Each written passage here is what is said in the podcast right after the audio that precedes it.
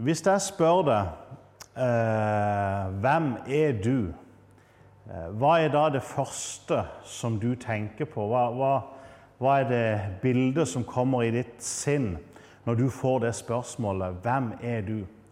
Eh, for noen så kanskje de sier vel 'Jeg, jeg er nordmann'.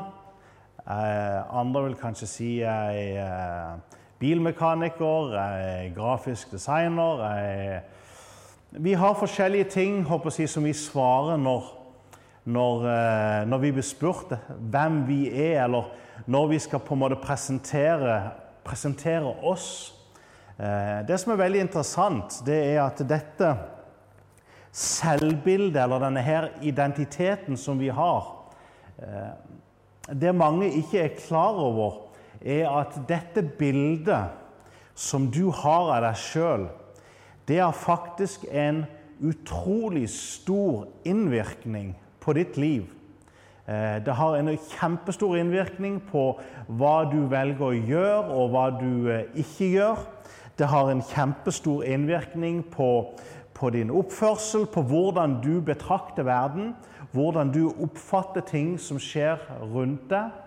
Men veldig ofte så er vi ikke klar over Eh, hvor stor innflytelse dette selvbildet har, òg når det kommer til vårt åndelige liv. For faktisk, ditt selvbilde, eller din identitet, har faktisk en kjempestor innvirkning òg på din åndelige vekst og på hva du får, hvordan du opplever det kristne livet. Og Det er litt det som jeg ønsker å snakke om nå.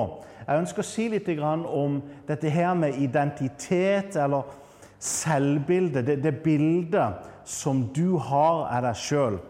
Det som er interessant, det er at faktisk dette bildet som du har av deg sjøl, det ble faktisk i en veldig stor grad så ble, så ble det forma lenge før du overhodet visste hva et selvbilde eller hva identitet var for noe. Eh, folk som har studert det, de har jo funnet ut at Eh, det er faktisk veldig tidlig i et barns alder eh, når, eh, Faktisk når vi er små barn, det er der i veldig stor grad vår identitet og vår, vårt selvbilde blir forma. Og det kan på noen måter være litt skremmende, for det, det, får oss til å innse vår, egentlig vår liten innflytelse eh, vi har på, på, det bildet vi har av oss selv. Nå tror jeg at vi kan forandre det når, vi blir bevisst på hvordan et selvbilde, hvordan vår identitet formes. Så kan vi ha, jeg, ha en større innflytelse på dette her. Men for veldig mange mennesker så blir deres identitet og deres selvbilde det blir forma av eksterne jeg, krefter. Foreldre, venner, skole, eh, kultur, omgivelse, uten at de sjøl er klar over eh, at det er faktisk alle de her tingene rundt dem som har vært med og forma dem til den de er.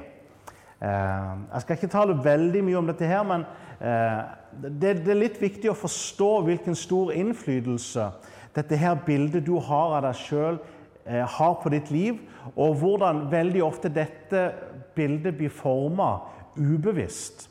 Jeg husker når jeg var ung, så eh, i, i, veldig mange år så kunne du, ikke, kunne du aldri få meg til å synge.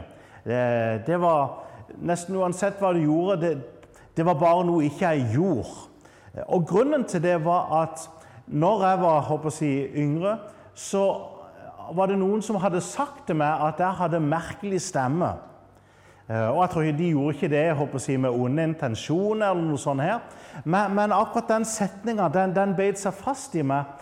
Eh, at jeg hadde merkelig stemme. Og det gjorde at selv om jeg var veldig involvert i musikk og eh, spilte instrumenter, så det, akkurat det å synge det var en barriere som, som jeg bare aldri fikk meg sjøl til å gjøre. Og det gjorde at jeg, jeg prøvde ikke engang å synge. Jeg prøvde ikke å bli bedre til å synge. Eh, det, det, var bare noe som jeg holdt meg bort ifra. Og det skjer jo veldig ofte med, med barn. Når eh, kanskje et lite barn prøver å spille litt på piano, og eh, så roper foreldrene 'Å, slutt med det bråket'. Eh, det høres forferdelig ut.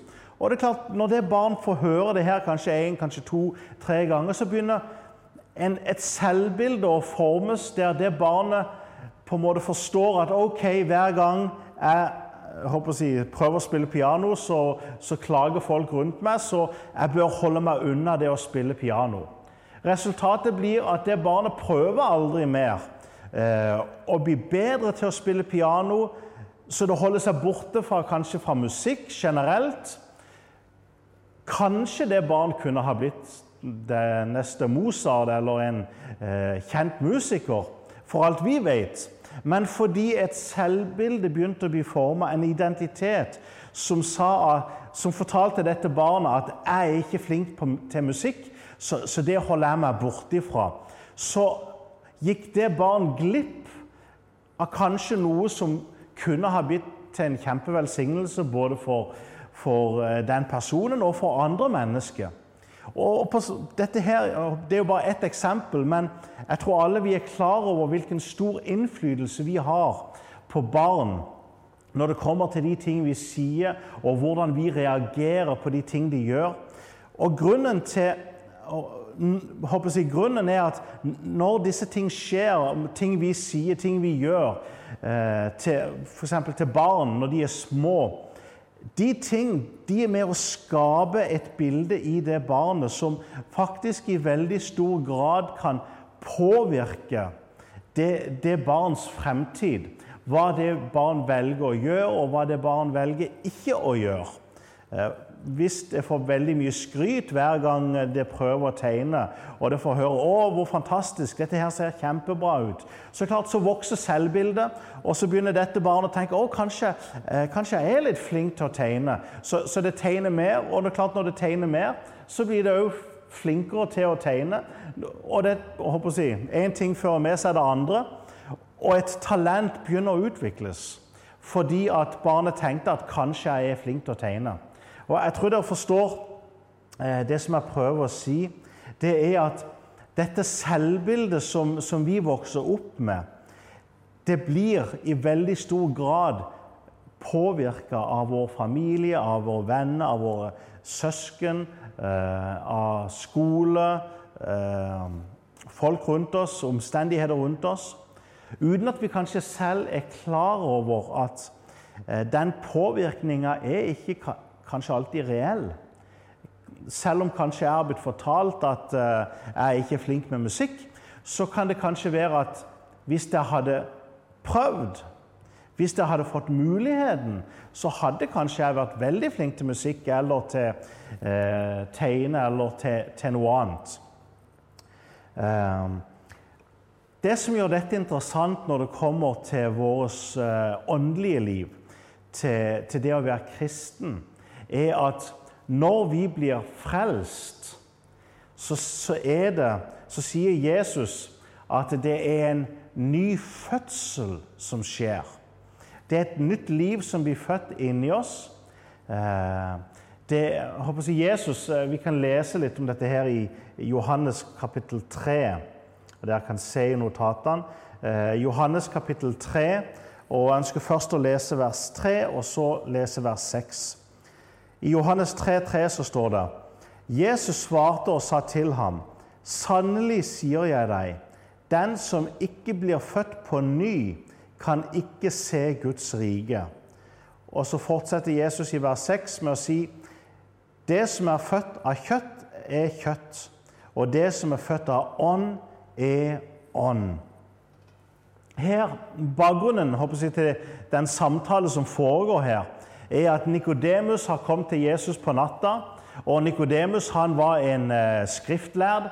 Han var en som eh, kjente til Skriften. Han hadde studert Det gamle testamentet. Han eh, kunne sannsynligvis Bibelen bedre enn de fleste av oss. Iallfall Det gamle testamentet.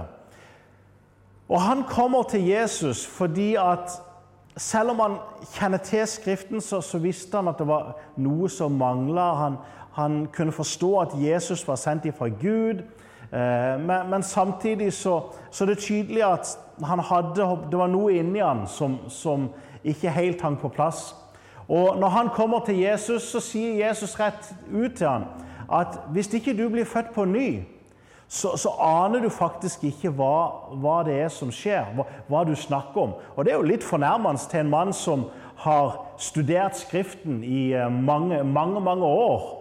At Jesus sier til ham at hvis ikke du blir født på ny, så vet du egentlig ikke hva det hele dreier seg om.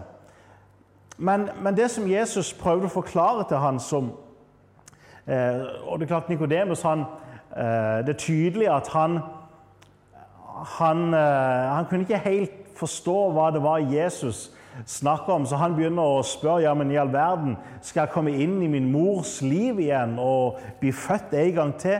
Jesus, hva, hva er det du snakker om? Og Jesus må forklare til ham og si at nei, det er ikke en, er ikke en fysisk fødsel vi, vi snakker om. Men, men, det er en åndelig fødsel. Så det, det, er derfor Jesus sier at det som er født av kjøtt, er kjøtt, og det som er født av ånd, er ånd. Jesus prøvde å forklare til Nikodemus at det det hele dreier seg om, det er at du opplever denne her åndelige transformasjonen. Eh, denne åndelige nye fødselen. Og før den skjer, så kan det godt være at du har alle de riktige læresetninger på plass. Det kan være du har studert Bibelen, det kan være du har gått på bibelskole, på eh, teologisk eh, seminar. Det, det, kan, det, kan, være at du vet når du skal si amen og halleluja, og når du skal reise deg, når du skal løfte hendene. Men hvis ikke denne åndelige nye fødselen har skjedd, så er du ennå på utsida. Så kan du ikke få del i det det å være en kristen egentlig dreier seg om. Eh, Paulus sier i 2. Korinterbrev 5,17, og, og dette er jo et kjent vers eh, som, som, er et fantastisk vers når det kommer til, til, hva det vil si å være en kristen. Eh, Paulus sier i 2. Korinterbrev 5,17.: Derfor, om noen er i Kristus, er han en ny skapning. Det gamle er forbi, forbi Se, alt er blitt nytt. Jeg kan like den siste setninga. Se, alt er blitt nytt. Paulus sier at om noen er i Kristus, om noen har blitt frelst, hvis man skal bruke det ord, så sier han så er den personen blitt en ny skapning. Og så sier han at det er noe gammelt som er forbi, som har blitt borte. Men så er det noe nytt som er kommet til. Eh, og vi vet jo at det som det snakkes om her, det er jo ikke en, en ny, at han har blitt ny skapning rent fysisk. Men, men det er snakk om en, en åndelig Det er noe åndelig som har blitt født, noe åndelig som har blitt nytt. Det har skjedd en åndelig transformasjon der noe gammelt har blitt lagt bort, og så er det noe nytt som har kommet til. Og Paulus sier jo i Romerbrevet 6, 4, så taler han om at dette gamle noe av det som skjer i dåpen, det er at dette gamle det blir begrava, det blir lagt i jorda og begrava, eller eh, bokstavelig talt lagt i vann. Eh, Romerbrevet 6,4 så sier Paulus vi ble altså begravet med ham, begravd med ham ved dåpen til døden for at slik som Kristus ble oppreist fra de døde ved Faderens herlighet, slik skal også vi vandre i et nytt liv. Så med andre ord så var det noe gammelt som ble begrava. Og hvis du leser Romerbrevet 6, så kan du lese om hvordan det er det her gamle mennesket som ble begrava. Og så er det noe nytt som oppstår igjen eh, når vi på en måte kommer opp av vannet. Eh, så, blir vi reist opp til å vandre i et nytt liv. Også til Galaterbrevet så sier Paulus det samme.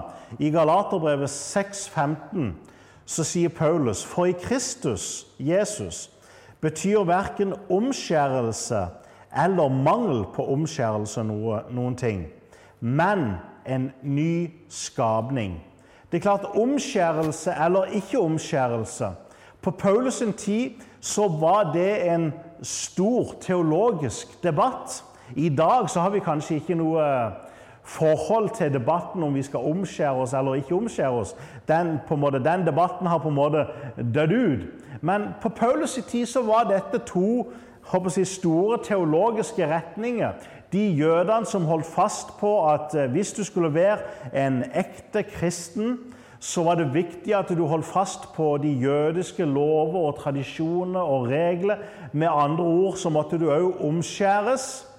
Og så hadde du da de Paulus var blant de som virkelig kjempa for at hedningene skulle ikke behøve å oppføre seg som jøde eller leve som jøde.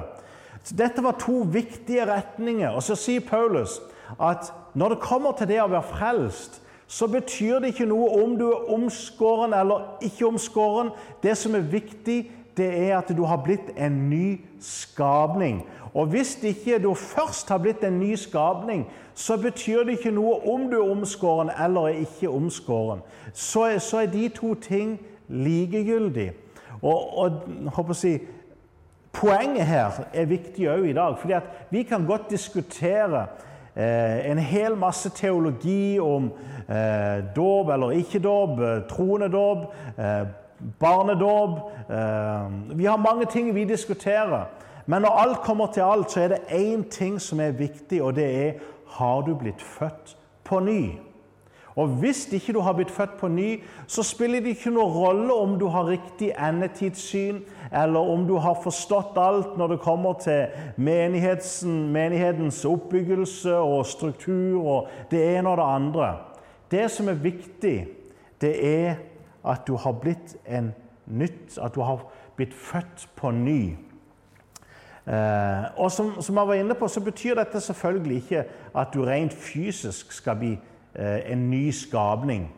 Eh, det er klart, når jeg ble frelst, så hadde jeg fortsatt den samme eh, kroppen både før og etter. Eh, selv om selvfølgelig kanskje hadde vært mange kunne veldig gjerne tenke seg å få et nytt legeme jeg, som kanskje hadde noen kilo mindre. Men, men vi vet at når vi snakker om det å bli født på ny, så er det jo ikke en en fysisk fødsel som det er snakk om. Jeg blir ikke fysisk sett en ny skapning. Eh, det er heller ikke min sjel som blir født på ny. Det er derfor Paulus i Romerne 12 for eksempel, taler om at vår sjel må fornyes. Det er fordi at vår sjel blir ikke født på ny. Når jeg ble frelst, så kunne jeg fortsatt huske mitt navn. Jeg kunne fortsatt huske hvem mine foreldre var. Jeg kunne fortsatt huske mine foreldre. Jeg kunne huske ting jeg hadde gjort i fortida. Så sjelelig sett så var ikke jeg blitt nytt, en ny skapning. Men det var en del av meg som var blitt en ny skapning. Og det var min ånd. Mitt indre, mitt indre menneske. Eh, menneske, Vi vet at Bibelen taler om at mennesket består av ånd, sjel og legeme. Og Selv om kanskje noen ganger så kan det være vanskelig å skille mellom ånd og sjel, siden begge deler på en måte tilhører den usynlige delen av mennesket, så, så, er Bibelen veldig tydelig og Vi skal ikke gå dypt inn på det nå, men Bibelen er veldig tydelig på at mennesket har en kropp, det har en sjel, og det har en ånd. Og Når den taler om den nye fødselen, så sier Jesus at det som er kjøtt, er kjøtt, og det som er håper jeg, født av ånd, er ånd. Med andre ord, det som det nye jeg, liv som blir født inni meg, er et åndelig liv. Det er min ånd, min gamle ånd, som blir tatt ut, og en ny ånd som blir jeg, plassert inn i meg. Og, og, jeg tror at vi som mennesker, det som det, Den vi virkelig er, det er ikke den kroppen som jeg ser eh, når jeg står foran speilet. Det, det, er ikke, det, er ikke, det, er ikke, den kroppen jeg ser, som, som virkelig er meg. Det, er mitt legeme, det er min kropp, og selvfølgelig skal jeg ta vare på det og uh, si, behandle tempelet med respekt. Absolutt. Men det er, ikke, det er ikke denne kroppen, det er ikke kjøtt og blod som jeg først og fremst er. Om jeg mister en arm, så er jeg like mye med. Om jeg mister begge mine armer og begge mine bein, så er jeg fortsatt like mye meg, selv om, min, selv om mitt legeme har blitt redusert. Det er heller ikke min sjel som, som er meg. Og om, om en person håper å si, eh, kanskje sliter med hukommelse, så, så, er det like mye eh, seg sjøl eh, av den grunn. Jeg tror at det som Bibelen lærer, det er at den som vi virkelig er, det er vår ånd. Og, og Derfor vet vi at f.eks. Jakob han sier at uten at det er ånden på en måte som gir liv til, til oss. Han sier i Jakobs brev 2,26 så sier han for liksom kroppen er død uten ånd. Slik er også troen død uten gjerninger. Så, så Jakob sier at, at, ånden er på en måte det liv inni oss som gir liv til resten. Eh, I første Mosebok 2,7 eh, så står det eh, om Når Gud skapte mennesket, så står det at han blåste livets ånd inn i hans nesebor, og mennesket ble en levende sjel. Så det var på en måte når Gud blåste ånd inn i mennesket, at mennesket ble en levende sjel. Og Derfor tror jeg at den, det mennesket som vi håper å si, Den vi virkelig er, det er vår ånd. Det er der det er der vi burde ha vår identitet og vårt sjølbilde. Men dessverre så veldig ofte så fester vi vårt eh, selvbilde i hvordan vi ser ut fysisk. Eh, eller hvordan vi føler vi fungerer intellektuelt. Og så har vi vår identitet og vår selvbilde i hvordan vår fysikk er, om jeg er for tjukk, om jeg er for tynn, om jeg er kraftig, sterk, svak, eh, om jeg er smart, om jeg er dum, om jeg er flink til det ene eller flink til det andre. Så har vi ofte vår identitet der. Når jeg tror Det Bibelen lærer oss, er at vi skal ha vår identitet i denne her nye skapningen. Og Det er jo det vi skal håper jeg, se mer på i, eh, i, i eh, disse her undervisningene. Om hvordan, hvor stor innvirkning det her selvbildet som jeg er, har. Og hvordan Bibelen inviterer oss til å ikke se på oss selv som, som den fysiske, eh, naturlige mennesket vi er, men å se på oss sjøl si, som den åndelige skapningen.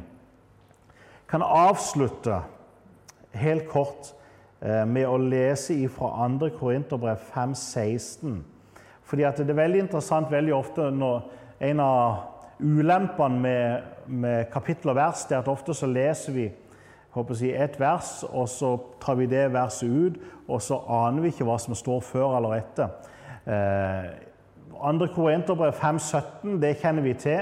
Det er jo det verset med om noen er i Kristus, så er han en ny skapning. Men det står faktisk noe viktig i verset før. I 2. Korinterbrev 5,16 så står det derfor fra nå av kjenner vi ingen etter det naturlige. Selv om vi har kjent Kristus etter det naturlige, kjenner vi ham ikke lenger på den måten. Derfor, om noen er i Kristus, er han en ny skapning. Så Paulus sier derfor fra nå av kjenner vi ingen etter det naturlige. Det var en meg som eksisterte før jeg ble frelst, og det er en, et nytt menneske som kom til etter jeg ble frelst. Og Så sier Paulus at fra nå av så, så, identifiserer vi oss ikke lenger med, med den som vi en gang var. Nå identifiserer vi oss med den med det nye mennesket. Derfor, fra nå av, kjenner vi ingen etter det naturlige. Og så vers 17.: For om noen er i Kristus, så er han en ny skapning. Derfor kjenner vi ikke lenger noen etter det naturlige, men vi ser på det åndelige. Hvem er det Gud har skapt meg til å være? Hvem er det Gud har skapt deg til å være? Eh, hva er det Gud har lagt ned i deg? Og så evaluerer jeg deg ikke ut ifra hvem du en gang var, og dine feil og dine mangler og ting som du kanskje har gjort i din fortid. De ting er blitt begrava. Du er blitt et nytt menneske, og nå inviterer Gud deg til å forandre ditt bilde av deg sjøl, sånn at du ikke lenger ser på deg sjøl som den du var, men at du ser på deg sjøl som den du har blitt, den nye, den du er, den nye skapningen. Det som er tragisk, og jeg vil avslutte med dette her før vi tar en pause eh, Det som er tragisk, det er at veldig mange kristne de er nye skapninger, men så lever de med et gammelt og et utdatert selvbilde. De er nye skapninger, de har blitt frelst, de har blitt født på ny, men de har ikke justert sitt selvbilde. Så Derfor er de nye skapninger som lever med et gammelt og et utdatert selvbilde. Og Det tragiske med det, det er at vi vet at det selvbildet jeg har, det kan sette seriøse begrensninger på hva jeg gjør, og hva jeg ikke gjør. Dette, det, det selvbildet jeg har, eh, det kan hindre meg fra å oppleve mange ting som Gud ønsker å velsigne meg med. Men fordi jeg ikke har fornya mitt selvbilde, så, så, holder jeg fast i fortida. Og fordi jeg holder fast i fortida, så klarer jeg ikke helt å omfavne det nye. Og Det skal vi ta oss eh, mer på. Eh, men ikke lev som en ny skapning med et gammelt og utdatert selvbilde. Lev som en ny skapning med et nytt og oppdatert selvbilde. Eh, vi tar en kort pause, og så fortsetter vi igjen. Amen.